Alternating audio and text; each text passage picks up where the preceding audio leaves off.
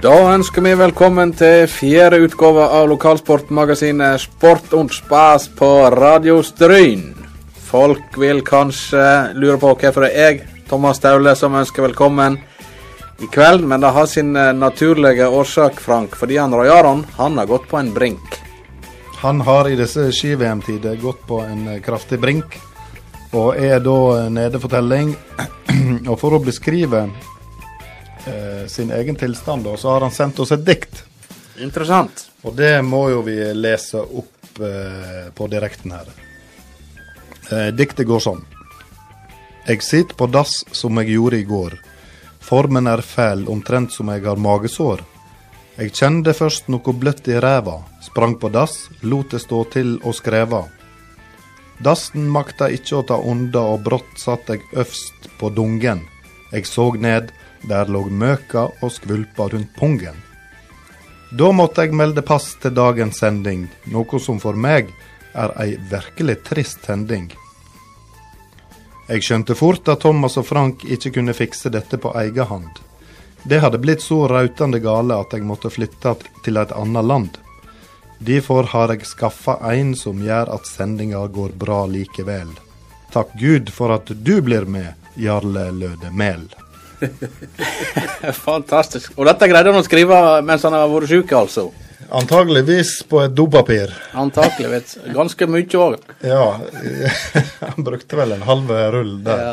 Nei, men det er klart at vi måtte ha med oss en eh, Jarle. Jeg og du alene i studio med til sammen fem timer radioerfaring.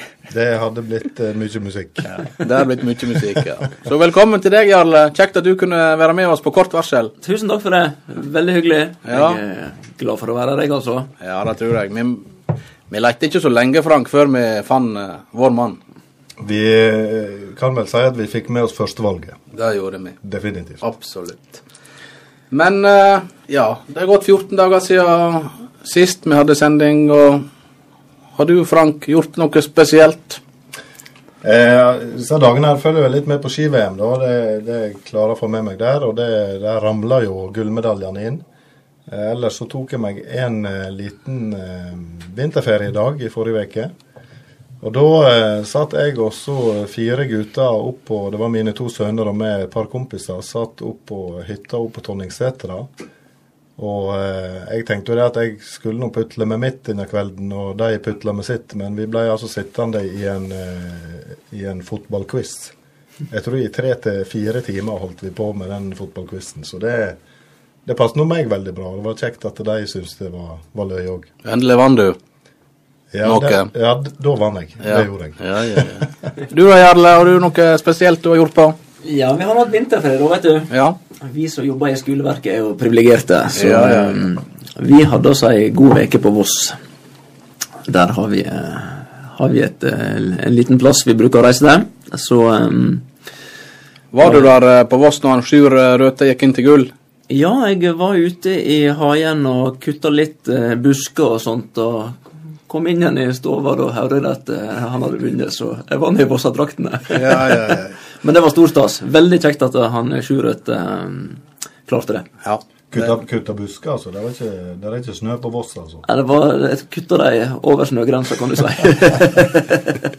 Førefallende arbeid i haien. Veldig bra. Vi må høre fra vår eh, trufaste sponsor.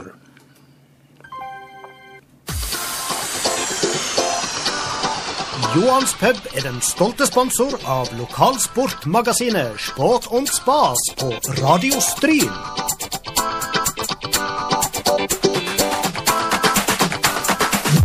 Og på Johans pub der kan du få med deg Champions League, Premier League og FA-cup på storskjerm. Annenhver fredag kan du òg teste kunnskapene når puben inviterer til quiz. Datoer og utfyllende program det finner du på Facebook-sida til Johans pub.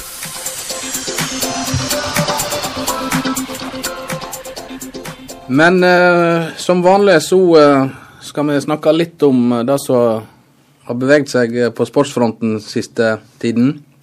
Og jeg eh, Jeg vil ta fatt i Gunn Kristi Tvinnereim nok en gang. Hun eh, viste seg på junior-NM nå sist.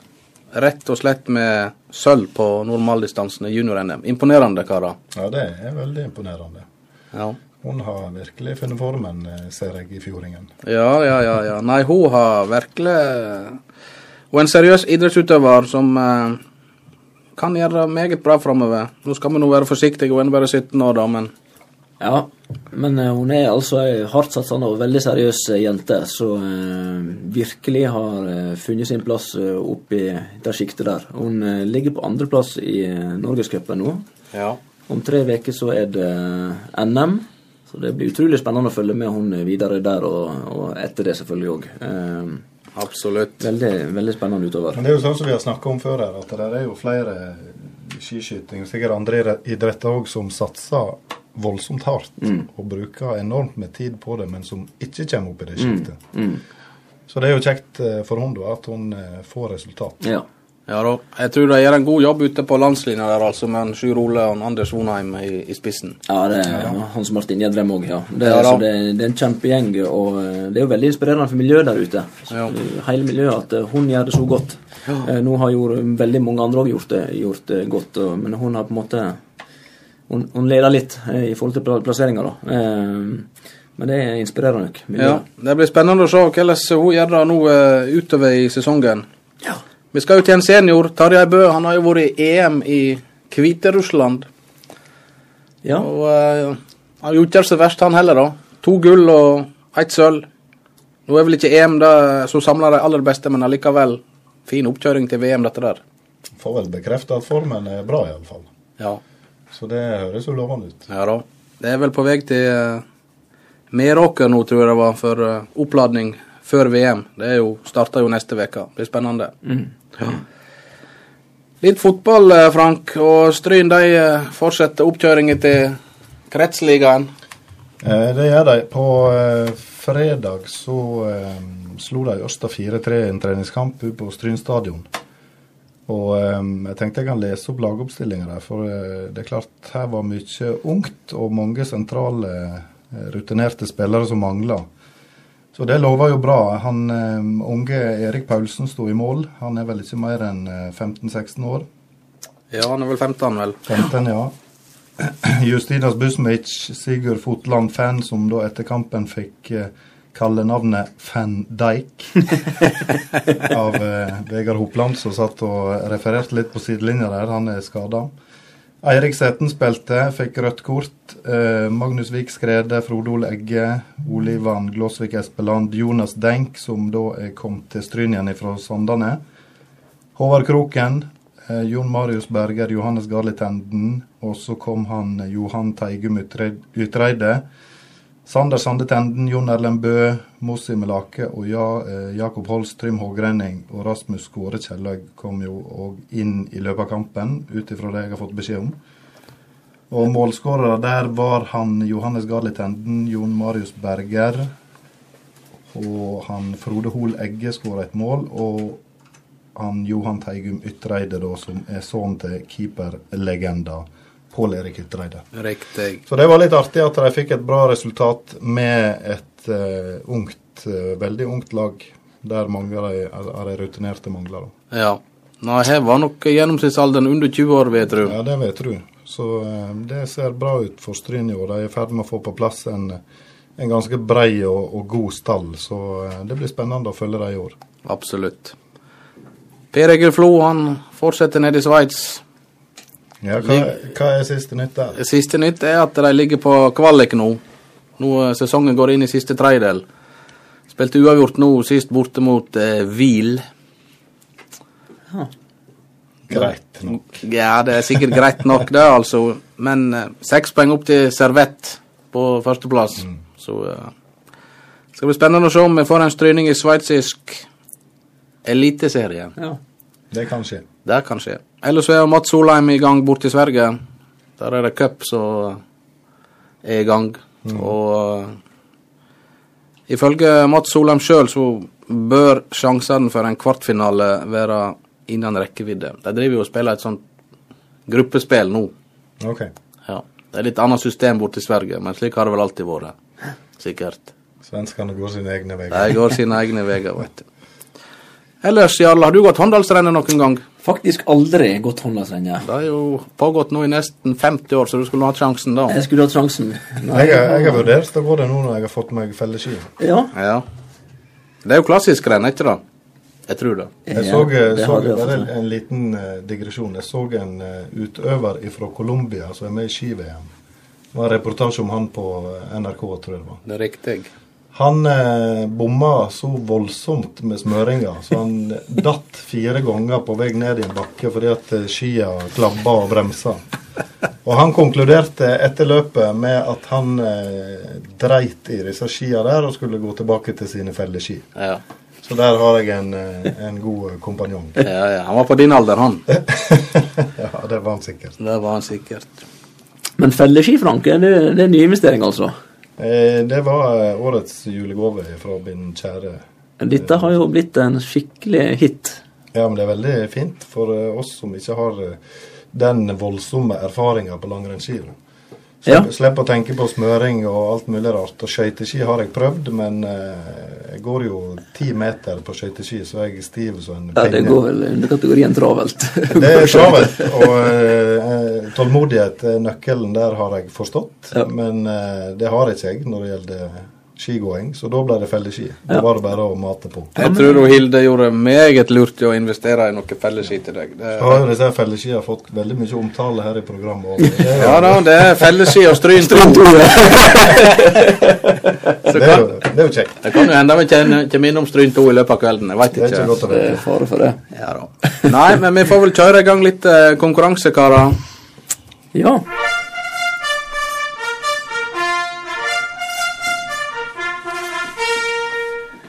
Og da eh, Nå er jo, nå er jo ikke Roy Aron her. Navet driver motoren i gjengen. Ja. Så jeg I dag har jeg lyst til å klinke til med to T-skjorter hvis vi får eh, inn rimelig mange svar. Jeg kan ikke si hvor mange, men får vi inn litt flere enn vi har hatt før, da klinker vi til med to T-skjorter. Altså to vinnere. To vinnere, ja. Yes. Er de, en, er de med på det, karer? Vi er med så lenge budsjettet til Radio Stryn eh, klarer å takle det, så eh, kjører vi på. Jeg tror det skal gå greit, altså. Men dagens spørsmål er Det er så enkelt at det her er folk nødt til å svare på. Hvor finner vi Styrkhallen? Styrkhallen. Det bør være overkommelig. Det bør gå. Det bør gå, ja. Ja. Her finner vi Styrkhallen. Send inn svaret ditt på mobil til 99 59 57 79. 99 59 57 79. Eller vi prøver en ny variant i dag òg. Eh, søk opp Sportsrom spas på Facebook og send inn svaret ditt på Messenger hvis du vil bruke den varianten. Ai, ai, ai. Nymotens. Nymotens. Så ser vi. Ja, det var Anders Fannemel der, og vi har fått eh, med oss eh, sambygdingen. Harald Vartdal. En stor ære å ha deg her i studio, det skal du vite. Og du står med til og Ja. litt introduksjon. Ja, ja, ja. Nei, men såpass må det være. Det, du er en mann vi har hatt lyst til å ha i studio helt, helt fra vi begynte å tenke på dette her. Det var fine ord, da, men uh, han har sagt uh, Jeg lurer på hva gamle Martan har bidratt med et sånt spenstig program. Det er jo en annen ting. Ja, det var det, Det får vi da. se. Ja, det får vi se. Men du, uh, Harald, du har jo eh, mange, mange år bak deg i Fjordingen. Ja. Hvor mange år ble det til slutt? Det ble vel eh, 40 42 år, da. Og så var jeg i Fjordabladet et par år. Ja. Da har du vært med på en rivende utvikling, for å si det mildt. Ja, det er sant. Det er helt sikkert. Ja. Men du ga det for tre år siden, da var det nok? Ja, det var det nok. Ja. Du har ikke angra på det? Nei, nei, nei. Det har ikke jeg. Nei da, det er bra. Men hvordan havna du i journalistikken, egentlig? Nei, altså det var noe litt sånn tilfeldig. Martin Lilleheim som var eh, redaktør, og så fikk jeg en forespørsel. Jeg var litt aktiv i både idrettslag og ungdomslag og sånt. og så Plutselig satt jeg i Fjordingen. Det var kun Martin og jeg da som var Ja. Fjordingen i den tid. Riktig. Så det var... Men Harald, hvordan var det du kom til Stryn, eller Håndalen og, og Stryn? Hvordan jeg kom her? Ja. Nei, altså Jeg er jo uh, født på Sunnmøre, Ja. i Hovdebygda. Og så eh, bodde vi i Lærdal i Sogn. Bodde der faktisk fra jeg var fem til jeg var elleve år. Og så hadde vi tilbake til Hovdbygda, var der et år.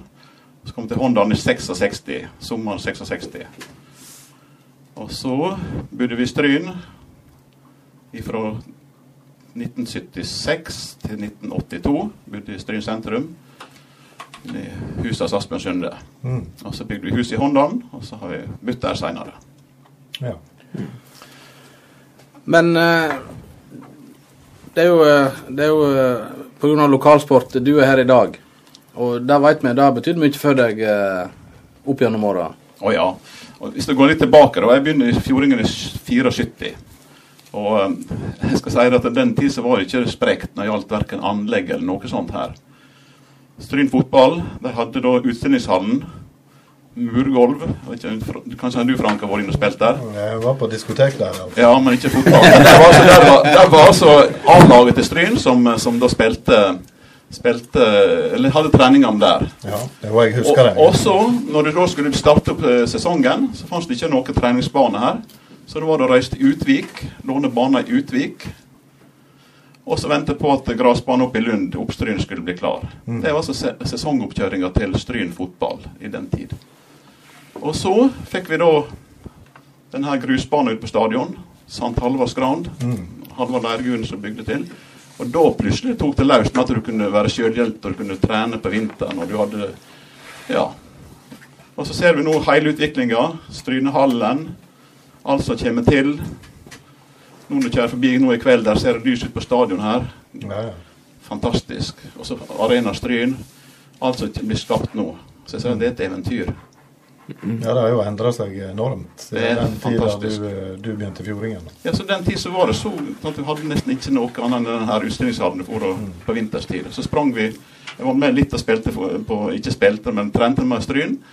Og det var å springe opp på Løkens plass. Det var sånn intervalltrening. Derfor la vi kondisjonsgrunnlaget. Primitivt. Men eh, en godt fotballag hadde Stryn den tid. Ja. Men du eh, Harald, jeg har jo sett i en del gamle fjordinger her eh, og leita i arkiv og diverse. Og det har jeg jo sagt til flere her på huset at å være sportsjournalist i Fjordingen på 90-tallet, det må ha vært moro. Det er jo moro nå for så vidt, men eh, du verden alt du har vært med på. Ja, ja, ja. Det er klart. Men uh, det starta egentlig før. Altså det så, hvis jeg, brukte tid på det, så denne Fjordingcupen Ja. Det var egentlig det som, uh, som starta mye av interesse her. Og det var jo en baby som ble lagt av Asbjørn Sunde. Altså da i fi- 75. Så så han at vi hadde jo ikke, vi hadde ikke aldersbestemte lag. Altså det- lille gutt og lille jente og små gutt og små jenter. Det fantes ikke annet enn i Stryn. Og da ble det jo starta opp denne Fjordingcupen. Og det var jo altså en serie. Og det er jo mest fantastisk å tenke på at, at vi hadde altså Elvard-lag, altså under 13 år, i Oppstryn. Sundskameratene. Lær du, Jarle, men altså Sundskameratene. Elleve lag. Ja. Stryn City, Stryn Country, Stryn United. Tre lag her nede. Loen, Olden, Styrk, altså Innvik, og Utvik. Håndalen United, Håndalen City. Det var de lagene som starta opp med disse her. Og da hadde vi altså Elvar-fotball i disse her. Så det ble en veldig sånn oppblomstring. Jutedalen hadde ikke lag. Jutedalen da, De var nær på å melde på en, ett år, men så eh, mangla det et par mann. Fikk et par skader. Nei, men eh, Fjordingcupen eh, Nå fikk jo jeg eh, oppleve den, og det gjorde han Frank òg. Ja da. men jeg husker han bare fra Strynehallen. Ja. Eh, Regna med han kanskje han begynte da i 86, når hallen kom. Altså, Stryne, vi vi starta opp med denne serien. og så Den Fjordingcupen sånn som den var opprinnelig. Ja. Så var det full serie. Mm. Vi spilte vår og høst. Og så var det avslutning med finalekamper på Stryn stadion. Ja. Og det var defilering fra Samfunnshuset med Stryn skolekorps. Alle spillerne gikk med plakater ut på stadion. 600-700 tilskuere. Spilte da eh, finale og bronsefinale. Ja. Det var altså det store arrangementet som vi hadde da. Ja. Men, men, Sa du når den starta? 75. 75. og så gikk den inn i, inn Og så var det egentlig det som skjedde da, at det, at det, det var litt, sånn, litt av den kongstanken òg, at dette her da skulle på en måte gjøre seg overflødig. For etter hvert når dette begynte, så begynte du å melde på lag. Altså fikk jo alle disse her aldersbestemte lagene. Så da var vi på en måte ja, da, da hadde vi spent ut vår rolle. Ja. Men så bare for å fortsette, da, så begynte vi i Strynehallen og kjørte en sånn her marsjturnering. Både for jenter og gutter. Det var jo artig for de som deltok, og sånt, men da var jo cupen på en måte ferdig. Asper Sund han kjørte noen treninger ute i hallen og hadde litt sånn. Og vi hadde jo da også en del av disse her Fjordingen fotballskole med hadde Sogndal som, eh, Sogndal som eh, spillerne som var her. Hadde eh, fotballskole både i Innvik og i Loen og i Stryn og i Håndalen. Så vi veksla mellom Svein Bark og alle sammen. Lars Opseth og Harald Rombeek. Ja, nei, Harald, dette der er jo eh, den biten som foregikk inn i hallen. Det, det er jo det jeg husker. Ja, du er for ung, du, det Frank. Ja, jeg er for ung. Det som skjedde eh, utendørs med seriespill og sånt, det, det vi- visste ikke jeg om, rett og slett. Eh, Men eh, det som skjedde inn i hallen og den turneringa som var der, den, der var det stor prestisje, altså. Jeg og Jarle snakka litt om det ja. før i kveld.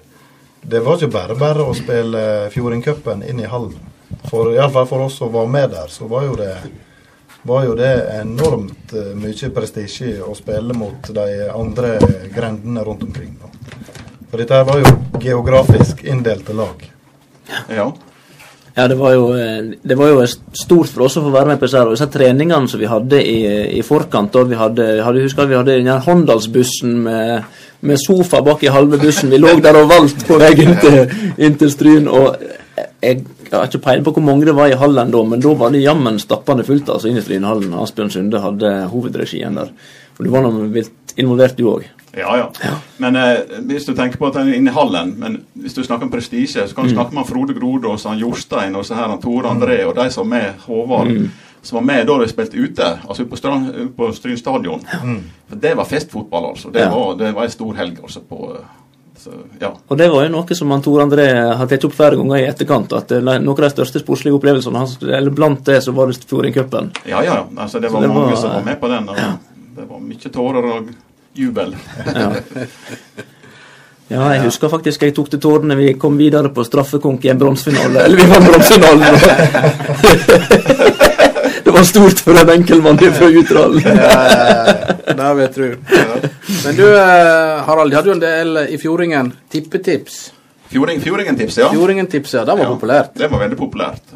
Og det skapte stor interesse. Det, var, Men da var eh, vinneren var, var tatt med til England, var ikke det så? det var jo det at de som vant, da, to vinnere, de fikk da tur til England.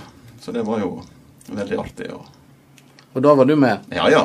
Ikke, ikke bare jeg, han Ove Sveen var noe sta, og det var noe Ja, bytt litt på.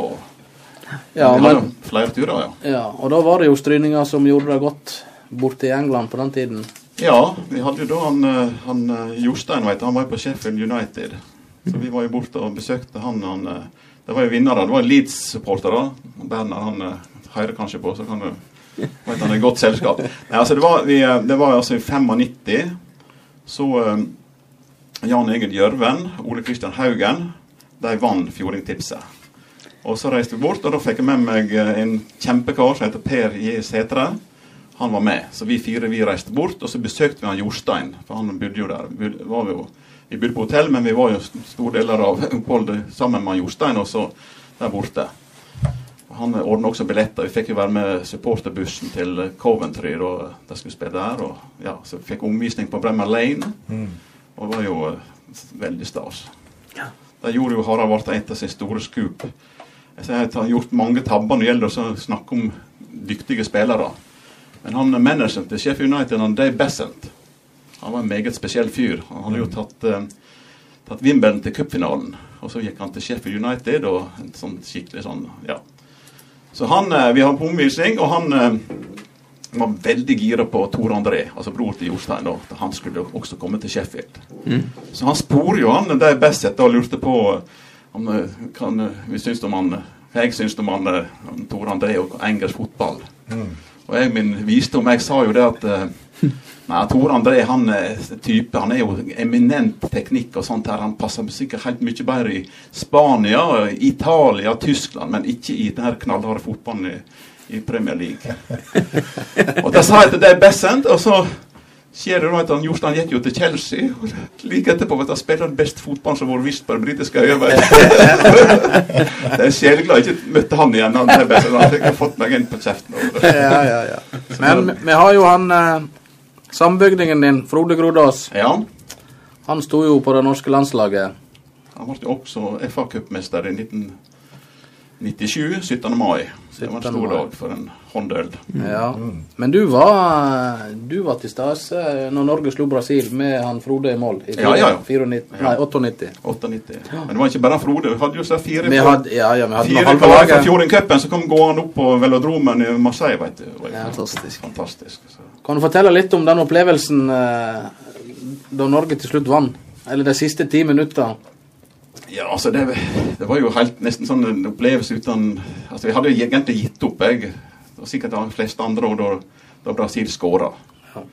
Og så skjer jo det, vet du, den, den straffen som var så mye eh, omdiskutert. Og så er jeg helt overbevist om at det, det var Jostein sitt innhopp som snudde den kampen. Altså Det står det på til min døyende dag at det var det, det byttet som gjorde det. Så når, når Kjetil eh, skårte på straffe, det følte jeg meg sikker på.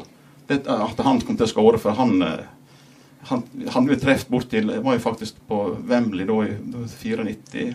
Da var, vi, eller, vi var på hotell sammen med foreldrenes Kjetil og snakket litt med han Kjetil og sånt. og da så han, han, eh, han eh, var jeg sikker på. Så da, da, fikk den, da var jeg sikker på at jeg hadde, vunnet. Men altså, du, du gikk ikke opp for det for lenge lenge etterpå. vet du. Det var jo nesten helt ubegripelig. Så fire mann, en fra Flo og en fra Håndalen, og to stryninger, vet du. Så på den måten der, ja, ja. Det spørs om jeg får oppleve det en gang til. I hvert fall ikke jeg, så, så jeg, det kan jeg bare glemme. Nei, men det er klart, alle husker den kampen. Ja, det var ganske spesielt, altså. Det var eh, Det har vel aldri vært sånn stemning i Stryn etter en fotballkamp, verken før eller siden. Det, det, det som skjedde der vet du, på velodromen, det var jo 60 000 tilskuere der. Vi skulle ut av stadion, og så at Marokko de røk ut pga. at Norge vant. Og vi kommer gående nedover mot bussene våre, og så kommer det én 20-åring fra Marokko, da, som kommer gående mot oss. Og så har han et, en sekk, og så har han et norsk flagg, og det norske flagget har han tent, tent fyr på, så det brann. Det norske flagget.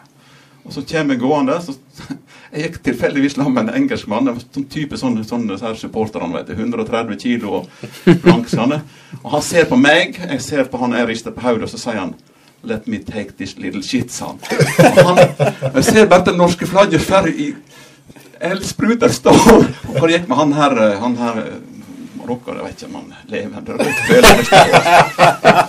Så det var en dag. Uff a meg. Vi har prata litt om disse her, annet disse her eh, fotballspillerne som har gjort det fantastisk eh, eh, på landslagsnivå, på klubbnivå, eh, Harald. Eh, disse bygdene våre rundt om her, så har du har fostra store idrettspersonligheter. og Du som har vært så tett på gjennom journalistikken, hva er det som eh, karakteriserer disse her eh, typene som har gjort det så bra? Hvorfor har de blitt så gode? Ja, Det er noe veldig vanskelig å gi et sånn entydig svar, men det, det er klart det er jo veldig kjekke og altså jordnære folk. Kan ta sånn som han Jostein og han eh, Frode og Håvard og flere andre. Tor André. Så det er klart at de har talent, men så blir det også De kommer i gode miljø. De har folk som, de, tatt, er folk som tar, tar vare på dem. Og Det er jo klart at det er veldig, veldig viktig. Mm. Sånn som Tor André han måtte bli god ut ifra de brødrene har. Kjell Rune og Bjarte og Jarle. Altså det er jo det er klart at det, det betyr mye. Frode han hadde også samme situasjon. Han var, han var da en yngre bror av Gunnar og Robin. Og så er klart han fikk mye gratis der, med at han ble dratt inn i miljøet og sånn. Og, så, eh, men altså det, det, Foreldre, ikke minst. Tenk på sånn som Torlaug og, og Andreas Ja. der ute. Hvor mye de ofrer for seg ungene sine. ja. Altså det, det er sånn at det nesten i, i dag er litt vanskelig forestille seg. Ja for, for, i, ja, for i dag så er det vel relativt mye mer vanlig at foreldre er engasjert og legger til rette, og at vi har et mer et overskuddssamfunn, men før var det jo ikke sånne kår. Nei, men, men sånn som eksempel sånn som Torlaug og, og Andreas. De, de stilte opp for ungene sine og prioriterte ungene sine. Mm. Det var ikke snakk om at de, de skulle fråtse sånn. Hvis det var skulle gå på en, en, eh, en avslutningsfest på, for fotballen, sånn, Mm. så lot de han, ungene gå. Så de valgte ut seg sjøle Ja. og prioriterte dem. Så klart, og sånn var mange andre òg. Altså de, de, folk stilte opp og Ofra ikke bare for sine egne unger, men for andre òg. Altså, de bidro veldig sterkt. Mm. Mm. Du ser det samme i dag òg. Tenk på sånn som Stryn fotball. Jarle Lien står går på stadion der. Det er jo kvaliteter. altså Det er folk som har et veldig sånn eh, Man kan kalle det nesten samfunnsansvar, men de tar på seg oppgaver som er helt enestående. Altså. Mm. Mm. Og så er det, altså er det, er det en drivkraft. Jeg kan vet du, kanskje snakke litt ut på viddene, men tenk på sånn som Harald Lødemel. Også fikk en flott fotballkarriere. Ja. Altså han, han, han er da 13 år og så skal, har lyst til å spille fotball. Og så har ikke de noen til å trene et småguttelag bort i Håndalen. Og så tar unge Harald han tar tak i det her. Ber mora si til å være oppmann, og så er han sjøl spillende trener på et småguttelag. Som 13-åring. 13 år, han han er spillende trener på et småguttelag. Jeg, jeg har sagt det. Jeg tror ikke noen i Norge har før vært spillende trener på et småguttelag. Det var Harald, Harald. Han tok ut lag, han trente, han gjorde alt mulig. Så reiste han til Sogndal som 17-åring. Kjempe ukens lag i VG som eh, 17-åring. Fotball. Men altså, det, det, da vil du noe. Da er det ikke snakk om å stille seg på sidelinja og så bare tro at nå er vi god av meg sjøl. Altså, det er er vel litt sånn med de som, eh, de som kommer såpass langt at de har et brennende ønske om å, om å gjøre noe med idretten sin. Ja. Og Det er jo et godt eksempel. Et veldig godt eksempel. Men så er det også typene. Altså han Jostein fortalte meg en gang Da han, eh, han Jostein og Frode de, de er like gamle. Og de eh, Det er bare noen uker mellom dem. Og så, da var det, var, det var, det var en kretskamp i Oslo. Da Sogn og Fjordane skulle til Oslo og spille mot, eh, mot eh, Oslo. Og Oslo det var jo storhet. Sogn og Fjordane var jo ingenting. Frode Grodås i mål. Jostein var med. Og de spiller kampen i Oslo og taper 1-0. Han sa da Jostein vi jubla som om vi skulle vunnet en cupfinale, sa han. Men bort i krona, der satt en mann og gret. Det var keeperen som slepte inn det ene målet. Ja. Altså kunne ha sluppet inn ti. Han spilte en kjempekamp, men han gret. Og det er Frode Grodås, vinnerskallen. Det er hans sin måte å, å bli god på. Altså Han, han er fantastisk sånn. Håvard kjenner ikke så godt, men bare sett hva han har prestert, så er det jo klart han har en fantastisk eh, innstilling og seriøsitet. Altså det de har drevet med. Godt likt. Tenk på, tenk på han Håvard sin posisjon i Danmark. Ja. Reis ned til Århus du, og så, så nevn navnet Håvard. Håvard Flo. Så du slipper inn på alle de beste plassene og får gratis uh, mat og drikke. Godt tips. Jeg, du husker, når han var der, så ville de ha han til borgermester av Århus. Ja. Eller noe i den Ja. retning. Ja. Fordi han uh, ut ifra sine prestasjoner på banen og fikk en enorm posisjon i byen der. Mm. Det var vel før han for til uh, Tyskland. Werder Bremen. ja. Så eh, Og det samme altså, han, han, han, han, Tore André. Se på posisjonen han har i Chelsea nå. mm, Frode Grodås, Norges Fotballforbund. Mm. Altså, dette her er en type, altså. Mm. Jostein, sportsdirektør i, i Strømsgodset. Ja, han Håvard er jo det tilsvarende sånn. Ja, Håvard mm. det. Ja. Men eh, du Harald, du, du, eh, du kjenner jo til eh, så mye i forhold til det med lokalidretten, og, det er kanskje flere navn som bør nevnes i den sammenhengen, av de som har gjort det godt av lokale utøvere litt tilbake i tid, som kanskje Ja. vi ikke kjenner til. Altså, da, jeg begynner i Fjordingen i 74. Og noe av det første altså sommeren 74. Og noe av det første jeg kom bort til av toppidrett da, det var altså Jon Mathias Garlid. Nå var han eh, lege nede på Eid. Han, eh, han var da 19 år, og han hoppa altså 7,21 i lengde på stevne ute i Florø. 7,21, 19 år gammel. Det er et fantastisk resultat. Ja. Og da, Den tida hadde Stryn et veldig godt eh, friidrettsmiljø. Altså Matti Lilleheim da senere ble jo norgestoppen i spyd, og de hadde mange andre også som var veldig høyt oppe. Og så, når det kom til vinteren, så hadde jo min eh, gode kompis Per Knut Aaland så da begynte å vise veldig gode takter. Bodde ut på, ut på Åland, trakka løypene sjøl. Stor dag da han fikk tilgang til en snøscooter som han kunne kjøre opp løyper med. 1976 da reiser han til eh, Innsbruck-OL. 21 år gammel. Blir nummer seks i et eh, OL der Norge hadde gjort det veldig dårlig tidligere. Braut ski og ble nummer seks. og det er klart, det var jo noe helt enormt. altså for vi ikke har hatt toppidrett så nært innpå oss, og så får du en sånn prestasjon som dette her. Og Jeg har sagt det mange ganger. Dette her var egentlig starten på det så her toppidrettseventyret som vi har i dag med Tarjei, Anders og eh, Johannes, alle disse her. Altså det, da ble det bygd opp noe, og vi fikk anlegg. Disse her, vi var, hadde disse her eh, vi hadde så her uh, eliterenner ute i markene. Da kom det så her uh, best, landets beste uh, der. Fikk vi se det. Så fikk vi bygd ut uh, Ulsheim. Og så ser du hva vi har fått til seinere. Fantastisk. Men det er dette her med, Du snakker om anlegg, at det er jo fantastisk utvikling, men at, det, at dette med miljø og ikke minst denne her indre drivkrafta, det må jo være noe som trumfer alt. Altså Når du snakker om at han Per Knut Aaland trakka tråkka opp sin egen løype Jeg har vanskelig for å se for meg hvordan han gjorde det, men han, han vas, vaspa vel gjennom snøen, og så begynner han trening etterpå. Han, han eh, hadde en eldre, eller har en eldre bror som heter Terje Aaland. Han òg var en god skiløper. Han Per Knut og Terje de gikk rundt løypen på Åland. Og du tenker tenke deg Det snøvde, ikke sant? Så hadde de trakk opp løypa, så kom det snø, og så måtte de trakke opp løypa en gang til, så gikk de og trente. Og så når da fikk de sagt denne her snøskuteren, så han Per Knut kjøre sjøl, og så fikk han gått ei runde før uten at det snøvde ned, og så var det sånn. Det ble en stor løfte. Disse konkurrentene som blir i Trondheim og disse plassene, de hadde jo tilrettelagt forhold de luxe. Ja. Men han pekte den ut. så der snakka vi masse eh, drivkraft, altså. Drivkraft, ja. Og det var ikke mange som uh, matcha han, og han hadde milslukeren fra Hardbakk, som de kalte han. Ja. Han fikk en flott karriere. Han, ble, han er den første fra Sogn og Fjordane som har tatt um, OL-medalje. Det var i 1980. Han gikk en gnistrende stafett.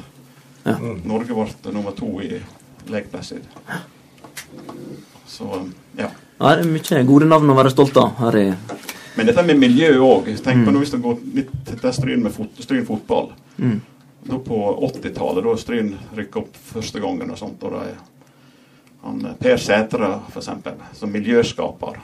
Han fikk jo tak i masse så her eh, kjente spillere som var her på sånn treningsleir. Se for meg de for og sprang ut i snøen på Stryn stadion. På grusbanen der. Det var faktisk før de hadde fått den her eh, St. Halvards Grand. De for og sprang opp til utstillingshallene utendørs. utendørs. Det var veldig- Så det skapte et flott et, ja, et godt miljø. Ed Noran, alle disse her som bidro på suverent. Men nå har vi jo eh, Nå hadde vi Flo-brødrene på 90-tallet, kan du si. Og nå har vi Brødrene Bø skiskyting. Vi har Anders Fannemel hopp. Det, det, det virker jo som det hele tiden dukker opp nye her i, Ja, det er her i Indre Nordfjord. Det er så stort at det er nesten helt ubegripelig. Også. Det, jeg tenker på sånn som Anders skihopper fra Håndalen, vet du. Mm. Det er nesten sånn at du plutselig ser du en som driver og konkurrerer og vinner verdenscuprenn og er med på gullag i Ja. Og så Johannes og han, han Tarjei. Altså, det, Ja, det blir, vi blir jo fort veldig vekkskjemte, vekkskjemte da. ja, du, Altså, vi- så til de grader. Ja. Men eh, du har med vel for noen typer, altså. ja. Men uh, føler du Jeg regner med du, du tilbringer dine timer framfor TV-en og følger Ja, med? det gjør jeg, men jeg har nesten Men nå kommer til noe også. Jeg hører han, eh, Johan, han eh, Johan nå på første sendinga her, han sa noe som jeg tenkte jeg skulle henge meg på litt. Dette her med å se på fjernsyn og sånn, både Premier League og her sitter jo Liverpool-supporter de luxe, hadde jeg sagt. Og sånn her med, jeg er interessert i Premier League, men dette med å gå på arena, altså på lokale arena, og se lokale kamper, og jeg kan være skirenn og alt mulig, og, og, og delta der, det er altså så viktig. Og der føler jeg at vi har mye å gå på. Jeg har ikke vært så flink de siste åra, men jeg har nå sett meg en del av lokale kamper. det kan jeg love, men men altså, dette der med å gå på et stadion og, og det, det, det, Så derfor tenk på sånn som Stryn nå. Nå ser jeg nå får fram mange nye unge spillere.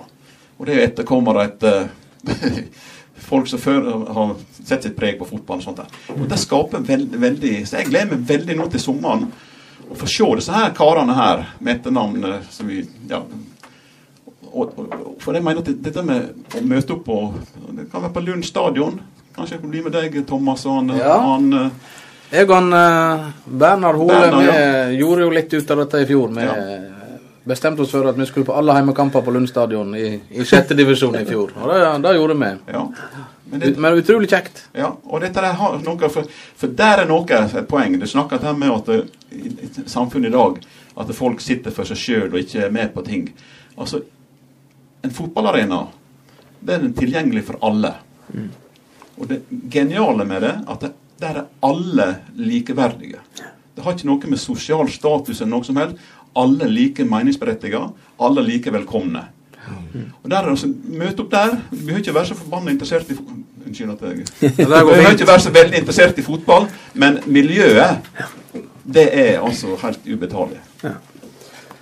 eh, du Harald, du har jo, eh, du har jo vært eh, tett på idretten eh, i mange mange år, som vi har sagt. og Du har sikkert noen litt sånn artige situasjoner og episoder eh, du har kommet over i løpet av disse åra. Er det noe som har festa seg spesielt? Det er mange sånne artige episoder som du tenker tilbake på. Mye humor. Jeg husker sånn Vet du, husker jeg la oss etter Tonningskameratene? Oh, ja. Det var en, det var en eh, bokstavelig talt en kameratgjeng med egentlig gode fotballspillere, men uh, de tok ikke så veldig høytidelig. Jeg tror faktisk de hadde årsmøtevedtak på at de ikke skal rykke opp. men de hadde stor glede av fotballen, og der, der var humør, og der var replikker. Jeg husker det var en kamp ut på Det var den her St. Halvardsgrand. Altså den, den, den var grusbanen der som den første kunstgressbanen. Altså den lengst vest. Og da spilte de nedover. Og jeg ser enda før meg Stryn sin lyn, eller Tonningskameratene sin lynkjappe spiss. Han starta godt inn på egen halvdel og springer gjennom. Veit vi, vet vi hvem det var? Jeg vet ikke si navnet, for jeg er litt usikker på det. Men han, eh, jeg tror han bor borti Bruagrenda. Men jeg er ikke helt sikker. Men, men altså, det som skjer da, er at han springer inn, han springer inn mot, uh, mot keeper. Kommer inn på 16-meteren og skal akkurat til å skyte ballen i mål. Da blåser dommeren feilaktig for offside. Og han roper nå selvsagt at det er helsike og dommer. Og da er det altså medspilleren som står bak med egen 16-meter. Han da brød ut tilbake. Hold kjeften din, du har ikke skåra likevel. Og Der var det ingen sympati å få. Nei, det var ingen sympati. å- Nei, det var en herlig gjeng. altså De hadde det mye moro. Ellers var det jo det- Hvem var støttespillerne på Tonningskameratene? Husker du det? Ja, vi hadde noen- altså, det, er folk som ikke var så veldig aktive ellers. Per Eilert Omdal, for eksempel, stilte på hver eneste gang. Ja. Men ellers hadde jo altså Jeg husker en, en som jeg onkel til, da, en fra Bodø. Han var her på sommerferie, og han fikk jo spille på Tonningskameratene. Jeg, jeg tror det er en sesong de hadde 58 spillere. Så det var det var stallen sin. Det var stall. Stor og brei stall. Men det var jo også den eh, episode da han eh, Harald Aabrekk da han trente Stryn første gangen. Da var jo han spillende trener. Han eh, var jo veldig liten eh, aksjonsradio, så han, eh, han sprang veldig lite. Men så fikk jeg Han spilte midtstopper. Han lå stort sett på egen 16-meter. Men så helt bort på his side, bort med hjørneflagget, der var det en episode der han dommer Terje Blomseth, han var en legende. Fra Vik. Vik, ja. Han hadde da, han da hadde da blåst feilaktig etter Harald Aabrekk sin 90, 90 meters blikk. Et feilaktig innkast eller corner og sånt her. Så Aabrekken han ble forbanna, så han springer jo over hele banen, 90 meter, og kommer bort til Blomseten og så ser på Blomseten, og så ser bare Blomseten, Blomseten på han og sier hva er det, Aabrekk? Jeg tror du ikke du klarte å springe så Da var det avvæpna med en gang. Så, Ja, ja, ja, ja, ja. Nei, men hadde jo litt eh, glimt i øynene. Han blomstretten ja, fin type. Fin type. Fin. Ja da. Men du, eh, litt eh, Lokalfotballen, status på den. eh, Nå er det altså bare Stryn 1 og Stryn 2 Der kom det. som holder det gående på, eh, på herresida, pluss Oppstryn. Og så har Stryn ett damelag. Ja, Håndalen har meldt på lag her. Håndalen er nå tilbake med Ja. ett lag i sjette divisjon. Dette, dette er, altså, det er klart det er jo trist utvikling. Altså, jeg, jeg tenker spesielt tilbake på den tida da, da Vikane var på høgden. Det er stor med tid, altså. De hadde eh, lag som spilte altså, i tredjedivisjon i den tid. Og et kjempelag. Hoffbrødrene, Asker Myklebust og Høgalmen. Altså, det var et kjempelag. Keeper Jan Egil Bolseth. Jan Asle. Jan Asle Bolseth, en tro kopi av United-keeper Ervin van der Sar. Og jeg vil påstå at Bolseth på sitt beste var kanskje like god som han eh, van der Sar òg. Men altså, de hadde et kjempelag, og en trener som heter Geir Orsnes. Fantastisk type, altså. Det, det jeg fikk til der. Han er da trente, trente eh, Vikane da, i den perioden der etterpå. Så. så det er synd at de ikke klarte å eh, fortsette, men det er klart det, det er jo begrensa hva spillermateriale Men ønsker er jo å få tilbake igjen disse her lagene. Jeg tenker også tilbake igjen på hatt fine opplevelser ute på Ålandsleite. Disse her, eh, han Sverre Heggen han sa en gang at det, dette her er en viktig del av fotballen, sa han. Da spilte vi der ute, eh, var der ute og så på en sånn kamp der ute. Det er klart, eh, det var ikke mer enn to-tre pasninger på det meste noen gang, men det hadde veldig veldig moro. Det var en flott uh, opplevelse. Så få, jo, få tilbake dette her Jeg sier det ikke så nøye med hva divisjonene er, men få til disse her lagene, gode, gode miljø. Og så skaper du en For det er veldig viktig for bygdene å ha lag, sånn sånn som Oppstryn. Tenk hvor viktig det er å ha et lag der oppe. Ja. Ja. Men du har jo eh, Loen Vikane hadde jo eh, slo seg ned i hop her for noen sesonger siden, men de greier jo ikke å stille lag. Er, er det færre spillere nå, eller er interessen mindre, eller Nei, det, det, er jo- det er i hvert fall ikke anlegg det står skorta på. Nei, anlegget er nå der. Så det er jo eh, Nei, det er noe rart som har skjedd. Altså. Det, det er det. Men er ikke det kanskje noe i samfunnet òg at eh, det er veldig mange frister, eller distraksjoner og ting å underholde seg med i dag, kontra det det var kanskje for Det er helt klart at det er mye mer konkurranse om ting. Og du ser jo f.eks. mange som da i stedet for å være med i et trenings, eller på et lag, så trener de for seg sjøl. Altså de går på helsestudio, og driver med egen Og det er jo forståelig òg, men, men det er litt leit på samtidig, for det, det betyr så mye. Spesielt på små plasser der det er marginalt med folk. At du nå kan få, få fram disse her, som kan ha et lag. Og da tenkte jeg til Fjordencupen at når Sundskameratene kan ha elleve lag Det er jo fantastisk. Ja, det er jo det. Utrolig bra. Men jeg husker nå sjøl jeg spilte på Loen i noen sesonger, og eh, der inne òg var jo et enormt eh, engasjement på heimekampene. Altså. Du er litt for ung du, Frank, men jeg skal fortelle deg at da Oppstryn Kasper-kameratene vi kalte det. Oppstryn og Loen spilte opprykkskamp der, så var det 700 tilskuere på Loen stadion. 700. 700 tilskuere. Det var mer enn når jeg spilte på Loen. Ja, så det var Men det var et veldig engasjement, da. og det var eh, Folk sto og brølte og skreik på sidelinja. og Det var vold, voldsomt engasjement. og Jeg husker vi spilte noen Firda Cup-kamper. Både mot uh, Stryn spilte vi mot, og, og Årdal var det vel. Eh, Det var utrolig trøkk der inne. Altså. Ja, det var det, var kjempeartig å være der og spille. Ja, Så det er jo veldig synd, syns jeg, da, at, eh, at det ikke er noe seniorlag nå. Ja, det er jeg helt enig i. Du har jo. Knappen spratt opp, så du gikk rett ut, i- ut, i, ut i været. Nå skal vi ha deg. Vent litt, da. Ja. Ja, da er Vi, vi har en ny eh, programpost. Eh, han Harald han er med oss videre, men eh, vi kjører vel en jingle nå, gjør ikke vi det? Kjør. Sitat, ord og uttrykk fra sportens verden som du nå får servert, enten du vil eller ei, ved Frank Hol.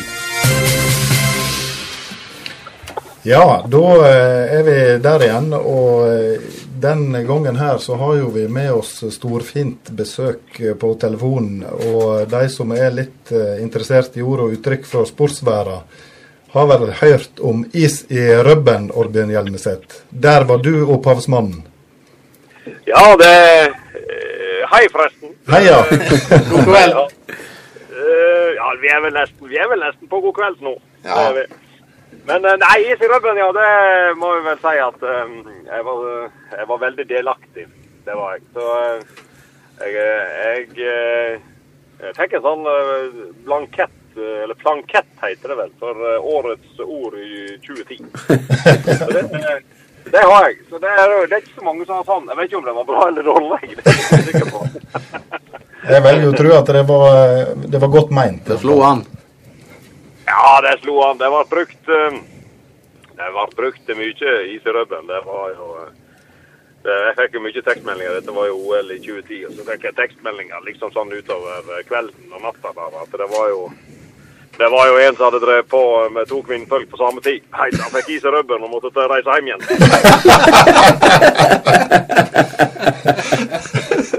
Ja, det Uttrykket kan brukes til så mangt, eh, tydeligvis.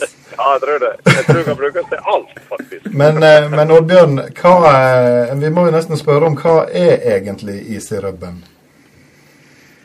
Jau, det er nå vel slik at uh, de fleste har nå hatt uh, klabber på skiene sine. I alle fall i påska så har jeg en følelse av at det er mange som eh, sverger til nå i disse dager litt skinski eller smørjefrie ski. Eller felleski, Men sånn når, du dårlig, ja, når du hadde en dårlig ektemann eller uh, kjerring, så det har vært mange krangler på, på uh, klabber på skiene. Og hvis du, og hvis du da går på en vanlig eh, smurning, altså tørrsnøsmurning, så er det efter at du smører litt for mjukt, og så iser skinna litt.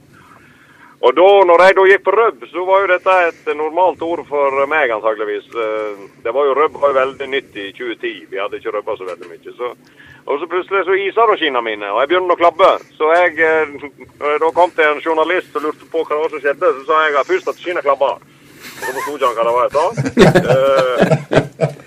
Og så eh, Jeg tror nå faktisk at dette her eh, var en utenlandsk journalist som sto først der eh, etter jeg, etter jeg sa at jeg sto i målområdet der og skulle inn i miksa sone, som det heter. Og så, så sto, hadde jeg jo med meg sånn medierådgiver, såkalt medierådgiver. Og, de, og så sto jeg og diskuterte hva faen jeg skal kalle dette her, da.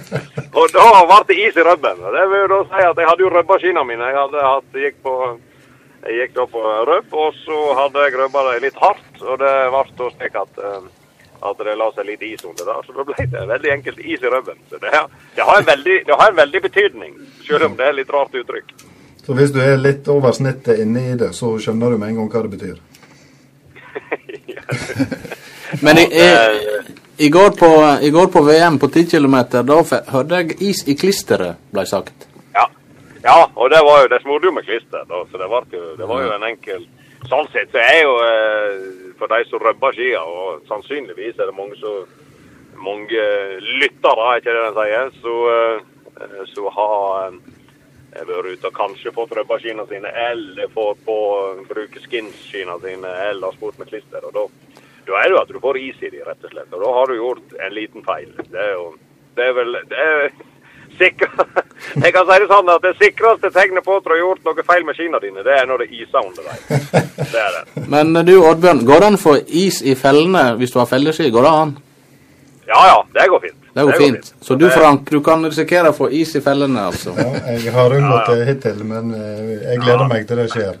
Det var Mike Win- det er med som var is i fella.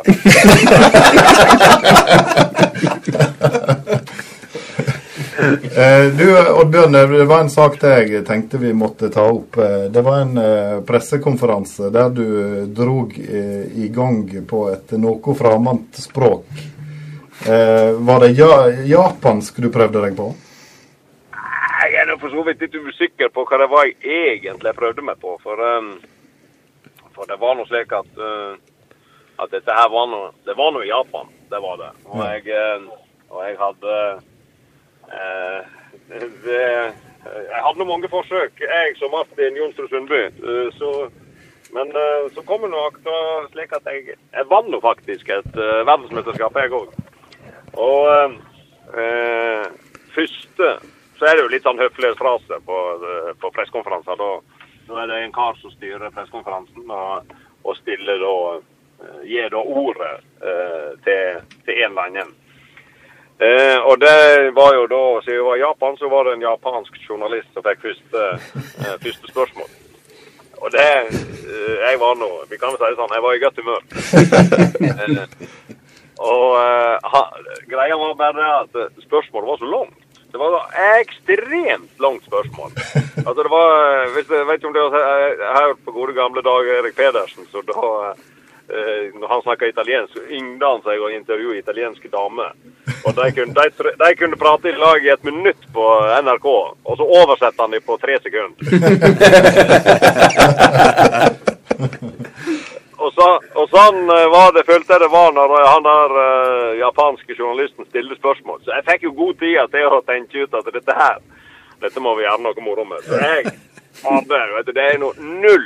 Det er ikke, Det er antageligvis null eh, agenda i det jeg sier. Men jeg hadde nå bodd i Japan i 14 dager, så jeg hadde sikkert uh, fanga opp ett ord, kanskje. Jeg vet ikke. Men uh, det ble iallfall uh, fantastisk moro.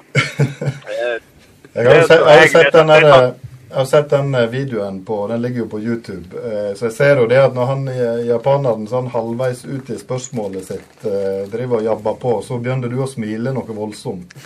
Da, da ser jo vi det at du har et eller annet på gang. Ja, det var jo Som sagt, det var jo godt humør, så jeg eh, var, hadde jo vunnet til dette. Men eh, greia var jo bare det at uh, det historien ikke forteller noe om, da, det er jo at han Japan, altså folk fra Japan er jo Det er jo for første veldig høflige folk. Og gjør du noe så, så du blir irritert over, da da, mister de ansiktet. Så han, journalisten han hadde sikkert stilt et meget faglig spørsmål. Men han røyste seg og gikk. Han tok aldri noe på.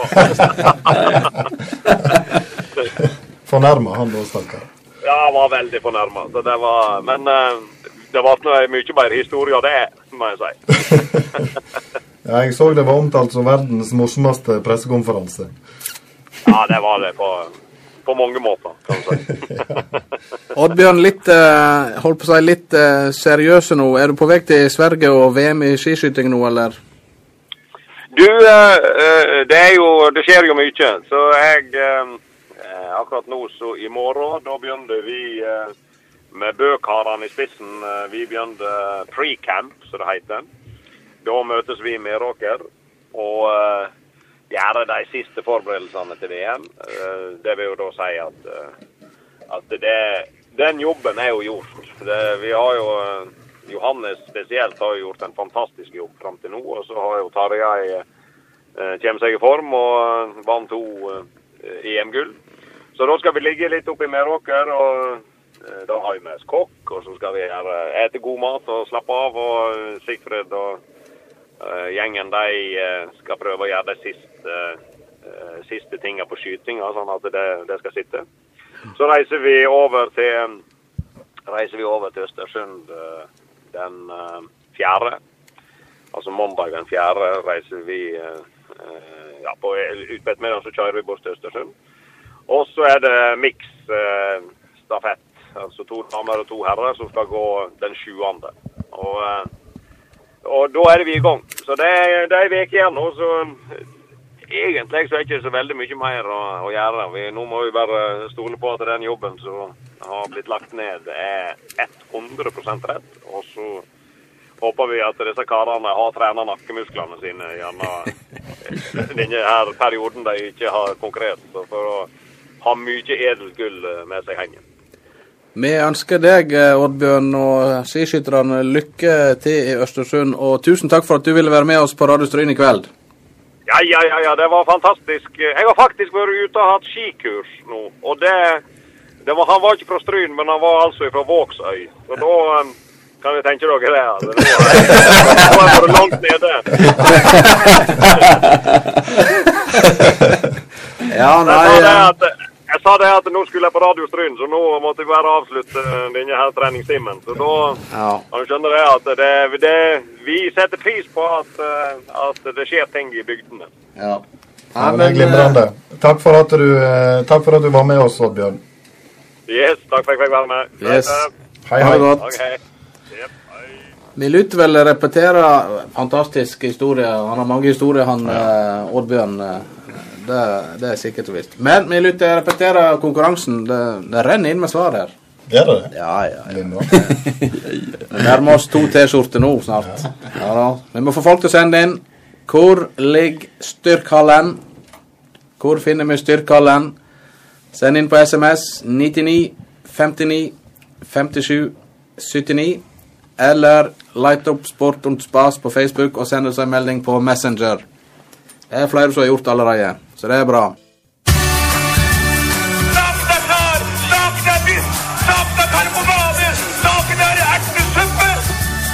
Vi vasser i arkivet.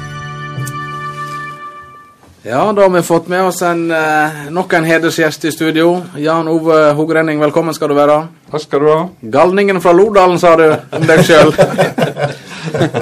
og, og denne karen der med pil og båge. Det er best å dukke kun er pulten. Ja, du kan si det sånn. Nei, Jan Ove, du er jo eh, kjent i bågeskyttermiljøet her i eh, Loen, må vel nesten si. Vi kan vel egentlig si eh, Loen, men eh, vi har jo medlemmer fra hele kommunen. Ja. Fra Håndalen til, eh, til Loen.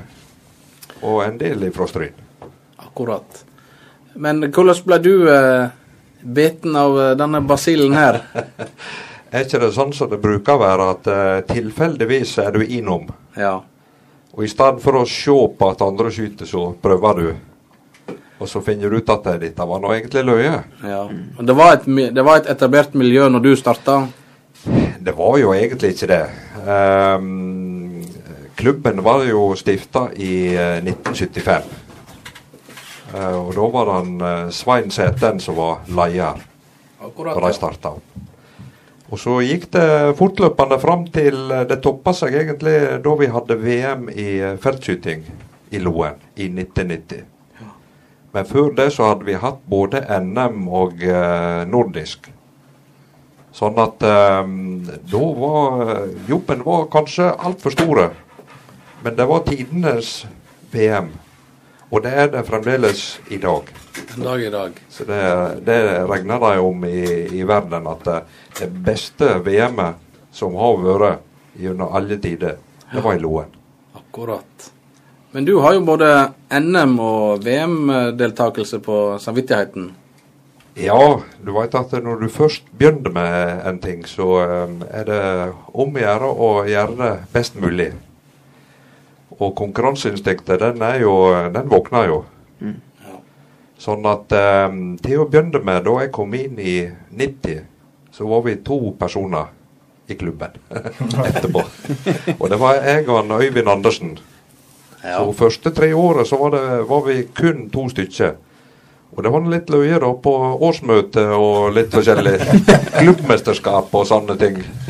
Kom, kom på pallen. Det var pallplass, ja. Du, du, du kom på pallen uansett. Og det var mye løye. Men så bygde vi opp klubben eh, videre da, og fikk med flere og flere. Så eh, rundt eh, 2002 til 2006 så tok vi alt av eh, NM-medaljer. Ja. Oh, ja. Og du har vel han Odd Martin Mørkå var vel eh, medaljegrossist? Han kom inn eh, eh, Ja, han begynte vel da i 97-98, tenker jeg. Ja. Og vi ble jo uttatt til, til landslaget i 2003, jeg og Mørken, han og Martin. Sånn at vi eh, var jo med i en del VM rundt om i verden. Hvor mye trening var det som lå bak disse prestasjonene deres? Altså, når vi var på landslaget, så uh, trente vi en uh, 20 timer hver uke. Ja. Sånn at det, det krever jo litt. Men på den tid så var vi ansatt på eh, Vestbuss. Og vi var så heldige at vi fikk eh, lønn når vi reiste med landslaget. Så vi var sponsa av eh, Vestbuss på den tid. Og det var jo fantastisk. Ja, ja visst var det det. Men uh, kan ikke du fortelle litt om uh, Det er vel, er vel sikkert forskjellige øvelser i uh, Uten å gå altfor mye i detalj, da, men det er vel forskjellige øvelser i bogeskyting? Altså, du, det viktigste er det psykiske. Ja. Du må være sterk, og så skal du være kald. Ja. For det er jo det som feller de fleste når de kommer på finaleskyting. Både på NM og ellers òg. Kan vel kanskje sammenlignes med en eh, skiskytter på siste stående. De sier det at det mest tekniske idretten du kan drive med i, eh, i Norge, det er hopp og bueskyting. Mm. Du skal treffe på en hundredels sekund. Akkurat, og, og skuddet går eh, Du må egentlig legge 90% av skuddet akkurat når du kommer b- eh, bak på ankring, som vi kaller det. da. Sånn at uh, dette å skyte du, Sånn som innendørs så kan du oppnå 600 poeng. Og beste buskyttere bueskyttere i Sogn og Fjordane, den heter jo Martinius Grov. Og han gjør uh, for øvrig comeback i år. Ja. Fordi at i, um, i år så har vi NM i Førde. 5. til 7. april. Dessverre så skyter ikke han før Førde. Akkerhaugen skyter han for. Han er æresmedlem der nede. Du skal ikke slenge deg med sjøl. Jeg skal være med. Og du skal være med, ja. Ja. Han er favoritten. Du kan ah, Det veit ikke jeg, men eh, jeg hadde et mål at jeg skulle eh, få eh, 20 medaljer før jeg la opp. Mm. Og det nådde jeg. Så da, hadde jeg egentlig bestemt seg for å eh, Da skulle jeg legge opp. ja. Men du har vel ikke formelt lagt opp ennå? Nei, du vet, ting skjer. Ting skjer. Det er det. Og så er det vanskelig å legge det vekk. Ja. Um, men eh, da jeg flytta opp i Lodalen og begynte som bonde, så krevde det veldig mye tid. Så det, da bestemte jeg meg for eh, at da skulle jeg egentlig legge opp. Og så fikk vi kafeen, og så uh, rulla ballen videre. Og så fikk vi storbåten, og nå er det turisme som er hovednæringa. Men um, dette var jo i 2007, men vi, vi prøvde å holde det ved like. Jeg hadde et mål at jeg skulle iallfall prøve å holde meg blant de ti beste i Norge videre òg. Og det, det krever jo litt uh, innsats, det òg. Veit du hvor mange som er aktive i, rundt omkring i Norges land i dag? Ca. 2000 Ja. skyttere i Norge. På verd, verdensbasis så er det vi ca. fire millioner. Imellom fire og fem. Du Harald, eh, du har jo jobba i Fjordingen. Kan du huske at du skrev noe om bågeskyting? Jeg har skrevet veldig mye om det. Kan vi skrive under på? et sånt Ja da, det kan vi gjøre. Jeg sier at Du snakket om det her VM i eh, 1990. Jeg sier det et av de store høydepunktene i det jeg har vært med på i Fjordingen. Det var helt Altså, det var Alexandra de stilte jo hotellet. Klart han Vidar Omberg han hadde jo Ja, finger med. Altså, det, og de, fikk, de hadde laget til haien ute og alt dette her. Det var jo kulisser, og det var alt fint terreng som de skjøt i. Martinius Grov, som du sa, han jo, har jo også deltatt i OL. og Han samler fra Førde, da, men han er jo ja, Vi regner han inn altså en av årene siden den tid. Og, Vi gjør jo det. og, det var sånn, og, og dette ble jo altså det var gedigent, for å si det rett ut. Det var gedigent arrangement. Det var det. Og så ellers òg, så er klart eh, Jeg satt jo på kontor her, og så var det følger følge med helgene. og Snakket med dem, vet du. Jeg hadde tatt så og så mange gull og sølv og bronse og sånn. Og så var det å ta bilde og Ja, så Nei, jeg tror jeg fikk bra dekning. Det vil jeg påstå. at eh, Hvis du går i arkivet, så var vi vel ganske brukbare å få med det òg. Ja da. Og så er det jo en fantastisk idrett. Firdaveitsla, var ikke det noe som het? Vi har det faktisk eh, ennå, Ja. men nå heter det Nordfjordbila. Akkurat. Eh, det hadde vi eh, sist nå i forrige Mm. i Loen. Ja, Men nå er det tre stemner i Loen. akkurat. Men en fin idrett. Mm. Det er veldig Men noe gjennom F.eks. på NM i Førde nå. Hvordan, eh, kan du bare forklare litt hvordan en eh, gjennomfører en konkurranse? Hva avstander skyter dere på diverse? Hvor mange skudd og, eller piler? Innendørs så skyter vi 60 piler tellende Mm. på 18 meter. Ja. Og da er jo tieren uh, kun uh, 3 centi i diameter. Ja.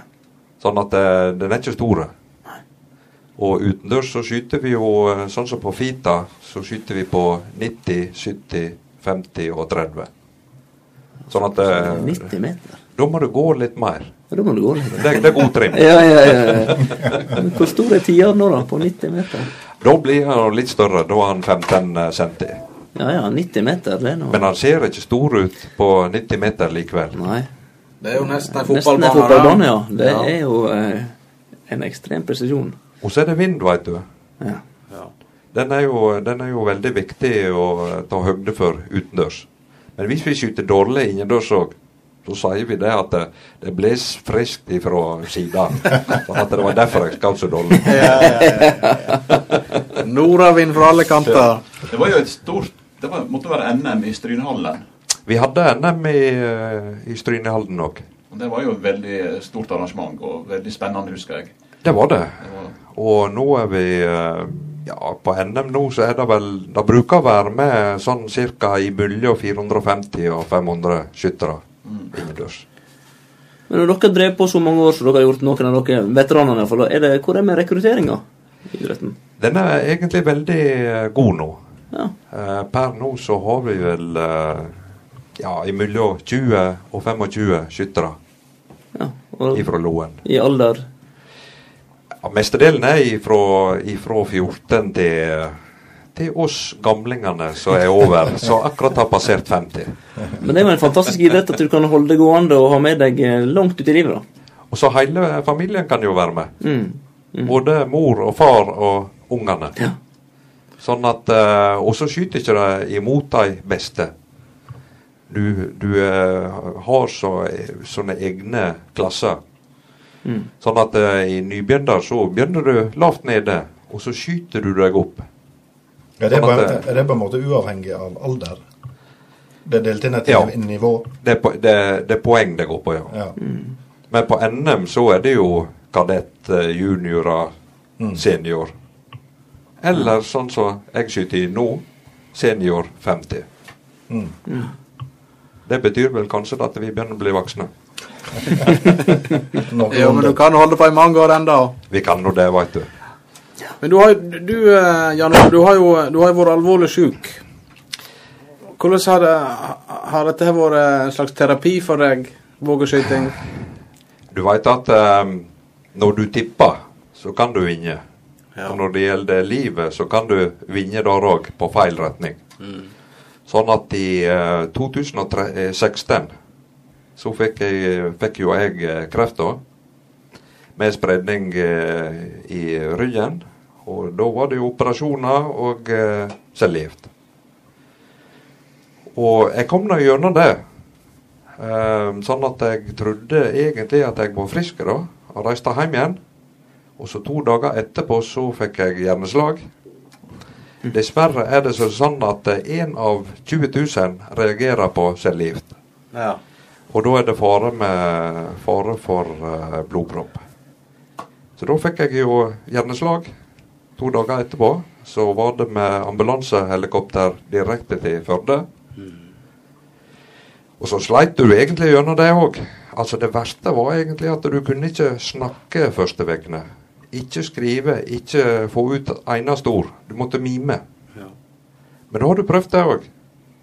Og, og da ser du egentlig hvor hjelpeløs du, du er da. Og så bare for å toppe det, da når jeg ble eh, noenlunde frisk for det, så fikk jeg eh, kreft en gang til. I nyrene denne gangen. Så var det nye operasjoner. Og da bestemte jeg meg egentlig for at eh, Du var egentlig vekke i to år. Jeg, jeg brukte å si det at jeg har vært i fengsel. Når folk lurer på hva jeg har vært Ja. Jeg har ikke sett deg på noen år nå. Jeg har vært i fengsel. Spikra palla i Vik. Noen som spør hvorfor du var i fengsel. Har du en historie der òg? Du veit vi kan nå dikte. Ja, ja, ja. Ja, Jan Ove kan dikte, veit du. Sånn at um, Men eh, du er ganske nedkjørt. Eh, både psykisk og fysisk eh, etter en sånn trippeldose som dette der. Så da bestemte meg egentlig for at um, da må vi trene seg opp igjen. For at dette har med balanse å gjøre. altså Der, der er mange ting. Der er jo en del ting som du sliter med ut livet. Ja. Men uh, du blir vant med å, å takle det. Uh, alt ifra språk til fysiske hindringer. Balanse, blant annet. Ja. Men du, du tok opp igjen bågeskytingen? Jeg tok opp igjen vågen, veit du. Ja. Fant ut at det er jo en fantastisk uh, idrett å trene seg opp igjen med. Både opp imot uh, dette her med balanse og uh, fin motorikken, Mm. egentlig.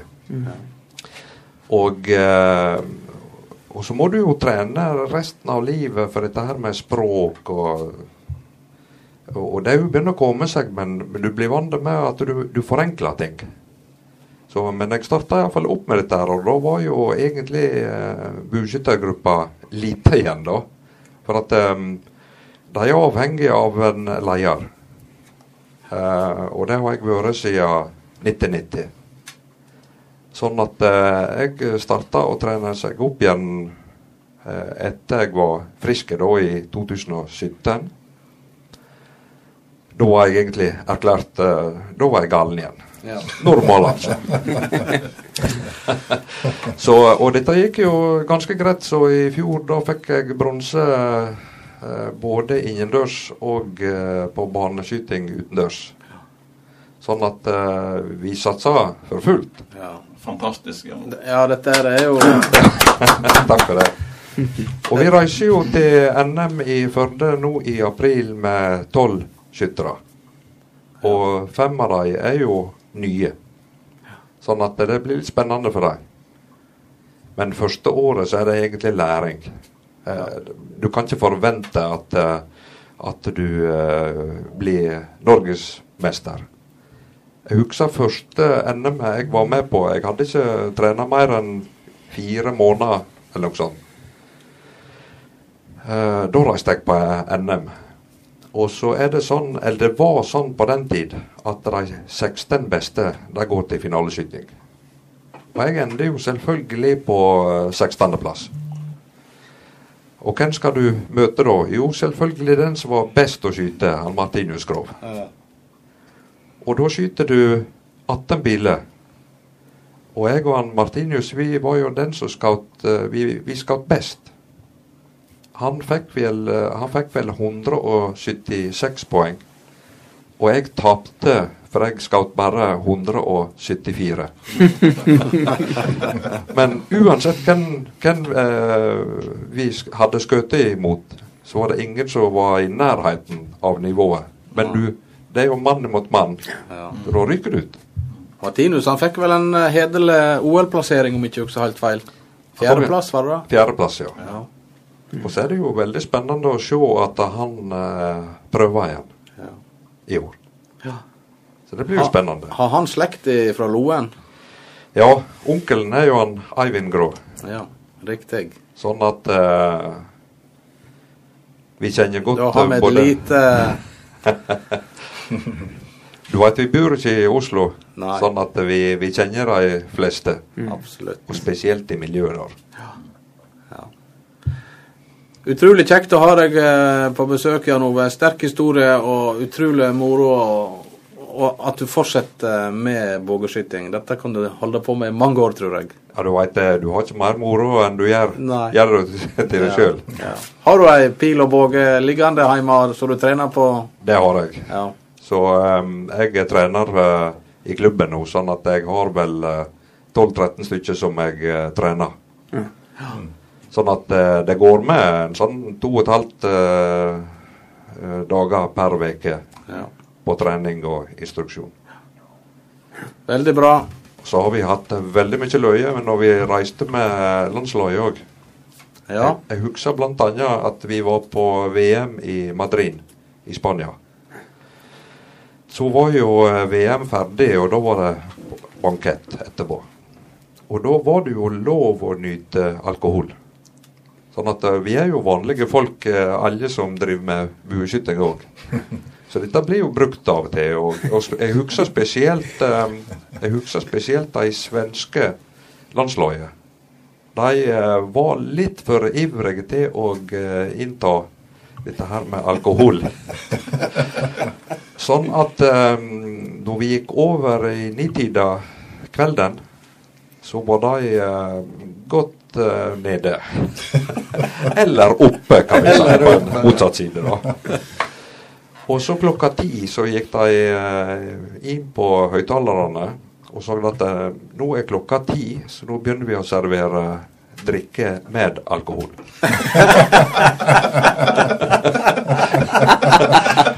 Og dette var så flaut for uh, landslaget i Sverige at de reiste tilbake til hotellet. sånn at uh, der er jo mye løye òg. Utrolig bra, Jan Ove. Tusen takk for at du ville komme i studio og dele det med god. oss.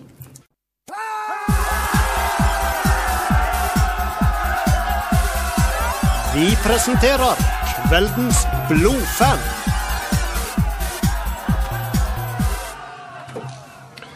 Ja, det var nydelig musikk fra det han Roy Aron eh, kaller vårt tyske alibi DDR, eh, med sangen 'Svache Menschen'. er det noe å le av? Nei, Absolutt ikke. Absolutt ikke. Absolutt Kveldens ikke. blodfan er da ingen ringere enn eh, Bernard Hole. Velkommen i studio. Takk skal du ha. Og du er da eh, Leeds-supporter. Ja, jeg er nok det. Og henger litt eh, med nebbet etter gårsdagen, kanskje. Det gjør jeg. Det er eh, i ferd med å gå over, men uh, et surt uh, 0-1-tap. kvelden i går var dårlig. ja. Den var dårlig, ja. Nei, men det er bra, Bernhard. Eh, Litt sånn først uh, Hvordan enda du opp i Stryn? Stryn, da eh, Ja, da må vi langt tilbake. Jeg eh, begynte på videregående her ute i 16.1.1995. Da avslutta jeg et vikariat på Vartdal barne- og ungdomsskole. Oi, oi.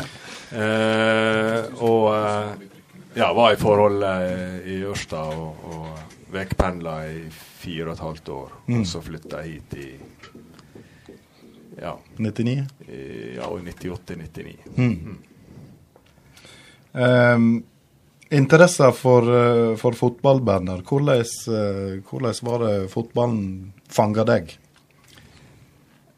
Jeg, eh, jeg kan ikke huske faktisk Nå husker jeg selvsagt ikke tilbake til jeg var født, men jeg kan ikke Jeg kan ikke huske en del av mitt liv der fotballen ikke har vært Eller fotballen ikke har vært en del av mitt Mm. liv. da. Mm.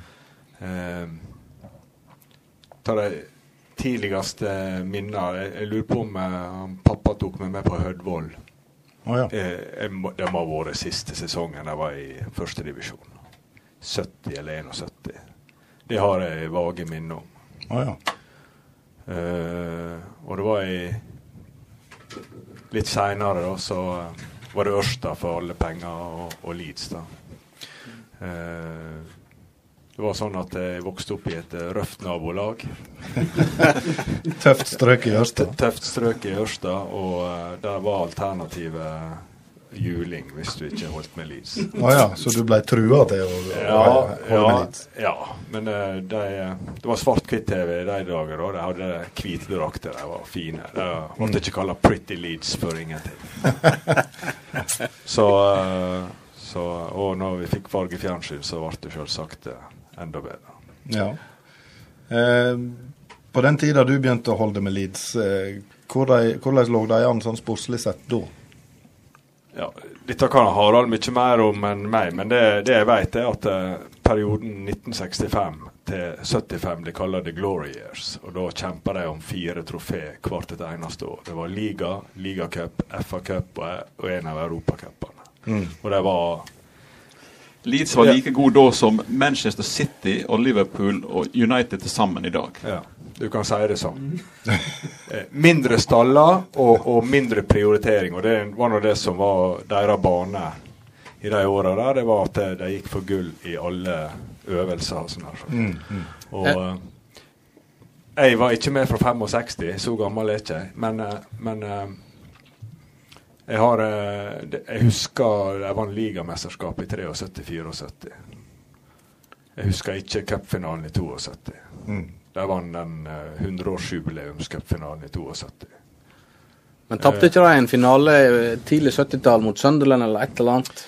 1973. Ja, for da var det en eh, Leeds-supporter i Sogndal. Han var så forbanna at han heiv TV-en ut av glasset fra andre etasje.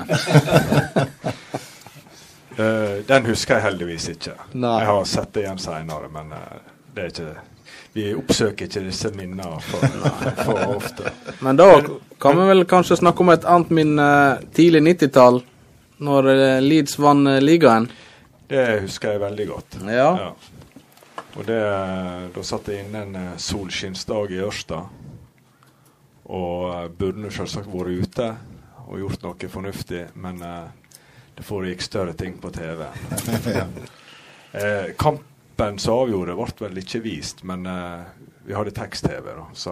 Det var før internett sin tid, så Mm. det var tekst-TV. var- Det var der vi, jeg satt og så på tekst-TV i 20-25 varmegrader i maidag. eller noe sånt i- Det er ikke mange som gjør lenger. Nei. nei. Det, det var ikke Men uh, jeg fikk det med meg den. Men uh, bare for å fullføre det, det Glory Years Avslutninga på det det husker jeg veldig godt. Og det var da jeg forsto at uh, at dette var klubben i mitt liv. Og det var en uh, maikveld i 1975. Jeg satt og så uh, Europacupfinalen for serievinnere uh, mellom Leeds og Bayern München på, Mm. i Paris. Og ja Dominant, som Harald sier. Og, og den kampen var ikke noe Og de møtte Bayern München ja, med Kaiser og Sepp Maier i mål. og Gert Müller var med, og, og, og sånne ting. Det vi snakker om eh, de to gigantene i verdensfotballen Mm. som møttes der. Og Leeds er dominante og tap, presterer å tape 2-0, omtrent som i går kveld. um, og, og ja, jeg gret mine modige tårer og eh, var utrøstelig. Supporterne til Leeds de ommøblerte Park de Prince, og det gjorde at det, det var slutten på Europacup-eventyret til Leeds også for noen år. fordi de var vel kvalifisert for Europacupen seinere, men var utestengt. Ja, riktig. Og, og, og ja. Så går vi da inn i en ganske mørk periode gjennom 80-tallet, Harald. Ja, det snakker vi lite om. Ja, ja, vi gjør det. Jeg prøvde seg med gamle helter. Det, det er ikke den første og det er ikke den siste som har prøvd seg med det, så Gray, Clark, Bremner kommer på i farta, iallfall, så ikke lykkes. Og så, og så kommer Howard Wilkinson da i 88, er det vel, og bygger opp et uh, nytt lag. Mm. Så rykket opp og vant ligaen ett år etterpå. Kan det gjentakes nå? Eh, de har vært ute av eh, den rikeste ligaen i uh, verden i, uh, i 15 år. Så der er, de møter klubber nå der uh, det økonomiske forspranget er så Mm. stort. De, de må, kan ta igjen litt på, på manager, det har de gjort. Mm. Eh, men eh, der er litt der er litt økonomisk forsprang, så topp seks eh, tror jeg er urealistisk nesten uansett. Mm. Men et opprykk, Første år. Første år. opprykk er jo en rekkevidde, nå. Ja, det vi, det er sikkert derfor, derfor vi sitter her. Eh, eh, ja, de spiller fantastisk fotball eh, vanligvis, og, og eh, hadde da i går kveld sjansen til å gjenerobre tabelltoppen. Mm. Den eh, forspilte de, men det er absolutt med, og, og det er hyperaktuelt med opprykk eh, foreløpig. da. Det virker jo sånn at de som eh, holder med andre lag, meg sjøl inkludert, har lyst til å ha Leeds opp igjen i Premier League. For det er jo et lag med historisk sus og mye engasjement rundt. Ja, vi er nok savna. Eh, og eh, glansen ved å kunne gi speed eh, etter nedrykket, den- er vekke for alle disse her Liverpool og United-fansen og alt sånt. Mm. fordi nå er det bare savn igjen. ikke Mm, sant? mm. Og, og, og ja, det er det jeg registrerer, at det, det er mye lykkeønskinger og sånt. da. Og det er klart, det er der jeg vil være. Jeg vil nå spise kirsebær med de store. Mm. Men hvis dette her skjer nå, Bernard, at det rykker opp, hvor emosjonelt eh, involvert er du i dette? her? Hvordan vil du på en måte reagere hvis dette her blir et, enda med et opprykk? Ja, det, det vil bli en liten utladning. Jeg, skal ikke si, jeg, jeg går ikke på nåler hele tida. Vanligvis så eh, siste 15 åra så har det vært sånn at eh, det har vært spennende og du har vært litt på tuppa sånn fram til jul, men så er det som regel eh, sesongen vår over, all interesse ute. Mm. Da, da bruker du energien på en litt annen måte. Og så er det da de siste par åra så har det vært Har de lekt seg litt i toppen, og du liksom Sjøl jula har vært interessant. Fotball i jula har vært interessant å følge med på. Mm. Eh, det er ikke vi så godt vant med. Og i år så vi, nærmer vi oss mars, og vi er fortsatt i miksen. Og det, det er en følelse som eh, ikke er ofte en, en, eh, en, eh, en kjenner på. Og det gjør nå at en selvsagt ikke tar noe på forskudd. Det Vi er ingen som kjenner motstand så godt som Leeds-supportere. Men du Harald, du er jo en Leeds-mann du òg. Følger du eh, aktivt med? Jeg eh, hadde men, altså, jeg er en del eldre enn han, eh, da, så jeg hadde min storhøsttid da, på tidlig 70-tall og sånt her. og Klart at det var jo helt enormt. Så jeg at, men jeg føler jo Leeds, så vi var jo borte der og, og så det en gang. Og da fikk jeg treffe Peter Lorimer på puben hans, Commercial Inn. Hadde en ettermiddag da med han, og da klart det ble mye mimring og mye sånn. Og. Men eh, siste året så har det blitt sånn at du du har jo hatt håpet, akkurat som Bernhard, sier. Du lever i trua helt til jul, og så får du hele den her eh, resten av sesongen. Da bare gå og tenke på at en håper på bedre tid neste år. Så, så i går kveld var det klart det ble en veldig skuffelse, for nå jeg spiller god fotball. Jeg føler at det, det er ikke bare at det, at det er mange som ønsker tilbake, men at det, de får også fortjener å få spille mot de beste lagene. Det syns jeg. Så jeg håper inderlig at eh, Men eh, playoff er ikke godt nok. Det har jeg dårlig erfaring med. Lormer, ja. er En av mine, det han var min favorittutespiller da i, i barndommen. Det var han. Ingen så skaut- Verdens hardeste skudd. Ja, ingen skaut så hardt sånn. Men jeg var keeper sjøl, da. Så min desiderte favorittspiller, det var David Harvey. Ja, ja. Og han, eh, ja. Men han må vi vel til Orkenøyene for å finne noe. Han er postmann på Orkenøy. så, så, så, Det er sånne herlige Eh, Der er ikke mange postmenn, tror jeg. Så han Det er vel én. Det er vel han. Nei, da, nei, jeg tror ikke det er mange til deg. Så så da, da, da er vi inne på barndommens helter. Ja. Men det har jo vært en del nordmenn eh, i klubben. Har det hatt noe å si for eh, interessen deres? Sikkert ikke, men Nei, jeg var, jeg var eh, De var under huda mi ja. lenge før. Lenge før eh, Einar Aas og, og Frank Strandli. Ja. Fra, ja. Eh, Einar Aas var, ja, var vel kanskje ikke første proffen i, i England. Det var vel Jan Birkelund eh, i Coventry, muligens. Men eh, Nei eh, Nordmenn Nei. Men det var, det var veldig kjekt. Og, og Frank Strandli han fikk vel ti kamper og to mål. Hun Nils Cantona husker jeg eh, Leeds-supporterne sang. Ja. Der, der bomma de grovt. Det er vel, eh, må være en av, en av de dummeste sangene de har sunget.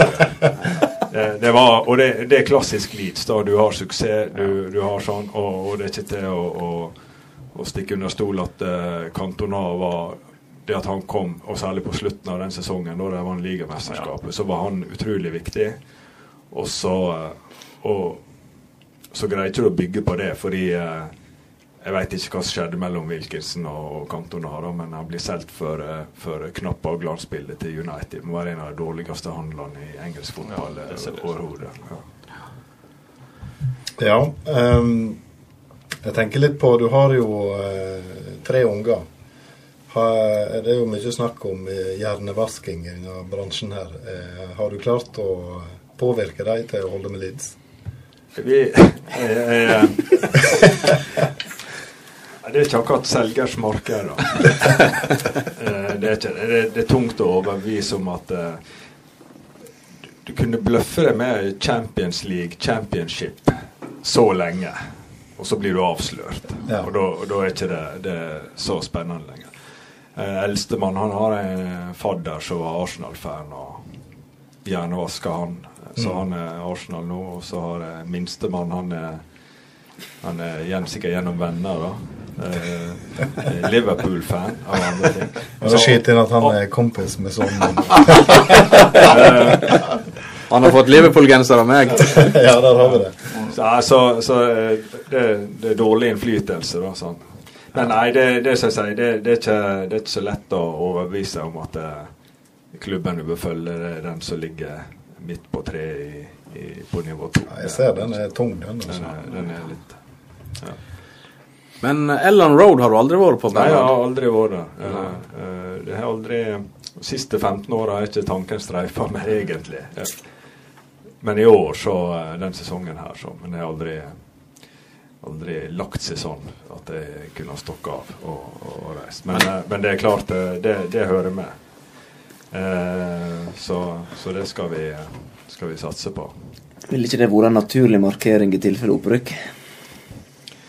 Ja, det, det er klart det. det da, da begynner vi å bli så gamle at da må vi begynne å tenke på hva vi skal, hva vi skal gjøre. Ikke sant? Tusen og én ting før vi forlater bransjen. Ja. Første serierunde neste år, da er han Bernhard på Ellen Road. Eh, så, nei, det, det, det, det, det er klart det, det, har vært tunge 15 år. Du, du følger med og ser kamper, du, du har sjanse til å se. Men siste jeg må si siste tre åra, da, har det våkna litt til liv igjen. Fordi de har, de har vært en viss stigning. Altså. Mm. Og nå når, El er loco, Marcel og Bielsa er manager, så, så er det klart at eh, da da står han for en fotball som eh, ligger mitt hjerte, i hvert fall i, i vår tid, mitt hjerte ganske, ganske nær. Med høy intensitet og offensiv tenking. Ja. Men du har jo en eh, liten forkjærlighet for Atletic Bilbao òg. Ja. Bitte liten. Ja, jeg, jeg halvt øye, da. Eh, og eh, merkelig nok, da, så der har jeg vært. eh, jeg har vært på, var på gamle El, eller San Mames da, før jeg ble eh, reven. De bygde en ny, helt ny stadion nå for noen få år siden. sånt. Hva det har seg at du har et forhold til den klubben? jeg, jeg veit ikke. Det, det, de har alltid vært litt eksotiske. Eh, baskiske, og så har det denne Cantera-politikken, eller hva de kaller den. Altså, du må, du må være baskisk. Eller født i Baskeland. Det er ikke sånn 15 generasjoner tilbake. Da. De har en, blant annet en ghaneser nå, men han er født i Baskeland. Mm. Eh, for å spille der. Er det en politikk de holder på fortsatt? Ja. Jeg lurer på om det er et sykkellag òg, Auskaltell. eh, Ja, de, de, består vel bare av baskere? Ja. eh, Gjorde i hvert fall. Ja, de, de har i hvert fall ikke vært med i Tour de France siste, siste året, men de, var, de har noen tappseiere der. Altså. Ja. Men du Bernhard, eh, det er jo eh, flere idretter du eh, bedriver. Du er en habil golfspiller, blant annet. Habil og habil. Jeg håper ikke, Ja, håper ikke så mange Nå må jeg få melde meg på, for Ja. husker jeg tok bilde av deg opp på, opp på seteret? Ja. Husker tittelen? Hole in one! Hole- hole in one, ja, ja. Jeg, har en sånn en. Jeg var, jeg var heldig, så, så Det var i en turnering, så jeg var ikke aleine. Jeg hadde vitne på Ja. det. Ja. Hole in one fra Hole, tror jeg det var. Det, det, det var Den måtte jo bare komme. Ja, Den måtte det- komme. Det er greit. Jeg håper ikke det er så mange golfere som hører på. For jeg, nei, jeg er handikap 13, og det er sånn halvanstendig. Det er ikke eksepsjonelt, da. Ja. Nei, men du, du reiser nå til Eid en del, veit jeg, og spiller Ja, jeg når det er høver seg. Medlem på Eid, ja. ja. Så eh, Men du har nå eh, Men det var nå politikken. Da måtte du fram på seteret for å intervjue meg også. Ja, stemmer det. var, jeg har ikke tida til å Nei. møte noen annen plass. Jeg- Han står og slo, og jeg intervjuer han om venstrepolitikk, så det var jo så, så, Slo mot høyre, da. Ja, det er mitt feilslag er mot høyre. Det er feilslag. Uff, han skrudde alltid mot venstre, han Bernhard. Ja. Ja. Ja da, det, det stemmer det, ja. Men hva er det du ser eh, Leeds nå, da? Fem år fram i tid, eksempel? ja. Det kommer veldig mye an på hva som skjer nå eh, denne sesongen, eller i, forhåpentligvis neste sesong. Og hvis det ikke skulle gå nå, så, så ville det får jeg håpe Bielsa får et, eller tar et år til. Det er ikke snakk om å få med han, det er snakk om om han, om han tar et år til. Han er såpass eh, egenrådig. Og får han et år til å få justere litt spillerstall og sånne ting, så er jeg sikker på at det, det vil være ustoppelig neste år hvis ikke det skulle Men jeg forstår at han Bjelsa er jo en sånn type som tar ei utfordring i, eh, i forhold til den Leeds-jobben. Så gjorde han jo det. Men han kan jo selvfølgelig være interessant for større klubber i andre land og alt mulig. Men, men han er vel eh, en type som kanskje vil fullføre et prosjekt. Ja, du, du sier prosjekt, og han, han bruker begrepet prosjekt sjøl. Dette er et prosjekt for han. Så han sa på eh, pressekonferansen når han tiltrådte, første var i juni i, fjor, da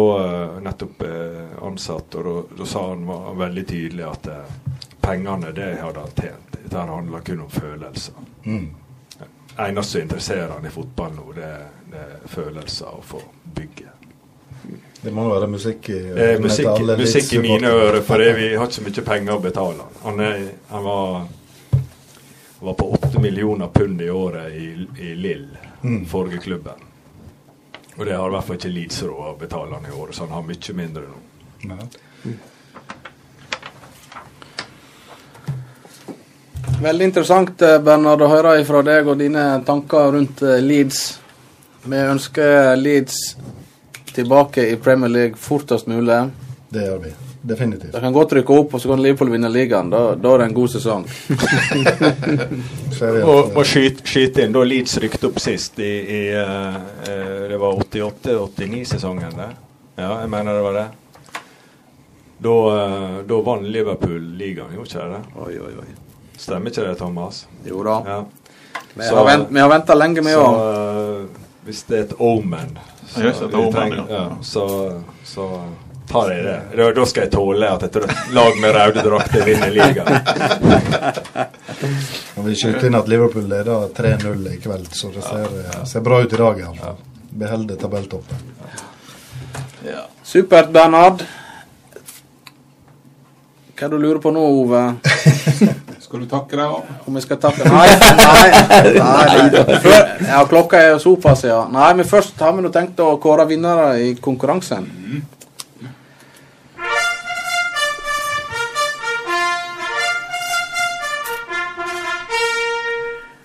Og jeg gikk jo eh, høyt ut og lovte to eh, T-skjorter i dag, hvis vi fikk inn et eh, visst antall svar. Og vi, vi nådde det målet, da. Men eh, vi kan ikke si hvor mange. Det må være en hemmelighet her i, her i studio. Men, eh, og Roy Aron er ikke her, så vi kjører to T-skjorter i dag.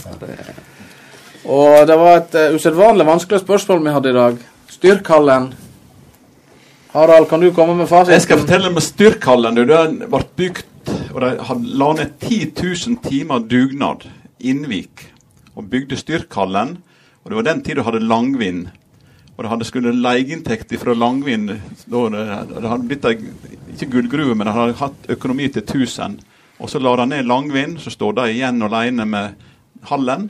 Og den drifter de. Jeg kan også nevne at det- Fjordingcupen gikk jo inn med 30 000 i aksjekapitalen når den var bygd. Samme som med Strynehallen og sånt der.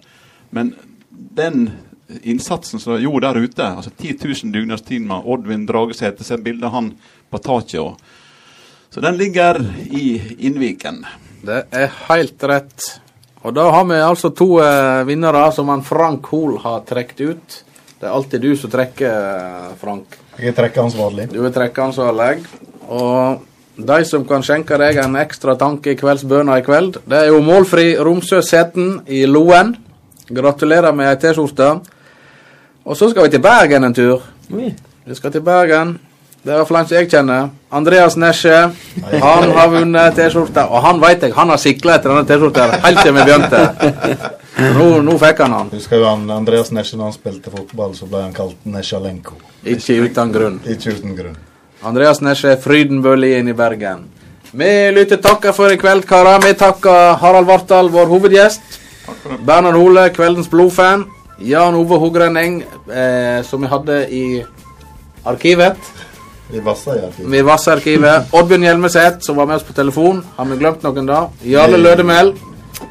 Frank Hoel. Og sjølveste Thomas Taule. Og Ove Orsko! Å, nå ble han glad. Må vi sende en hilsen til han som uh, gjorde at vi kunne dele ut to T-skjorter òg. Ja. God bedring, Roy God bedring, Roy Aron, og takk for diktet som vi las opp eh, tidlig i sendinga. Det var veldig fint. Det var flott. Og vi er bare et kvarter i injury time. Det er innafor. Yes. Tilbake om 14 dager. Nye spennende gjester. Spenstig program. Vi gleder oss. Takk for i kveld. Takk for i kveld. Takk for i kveld.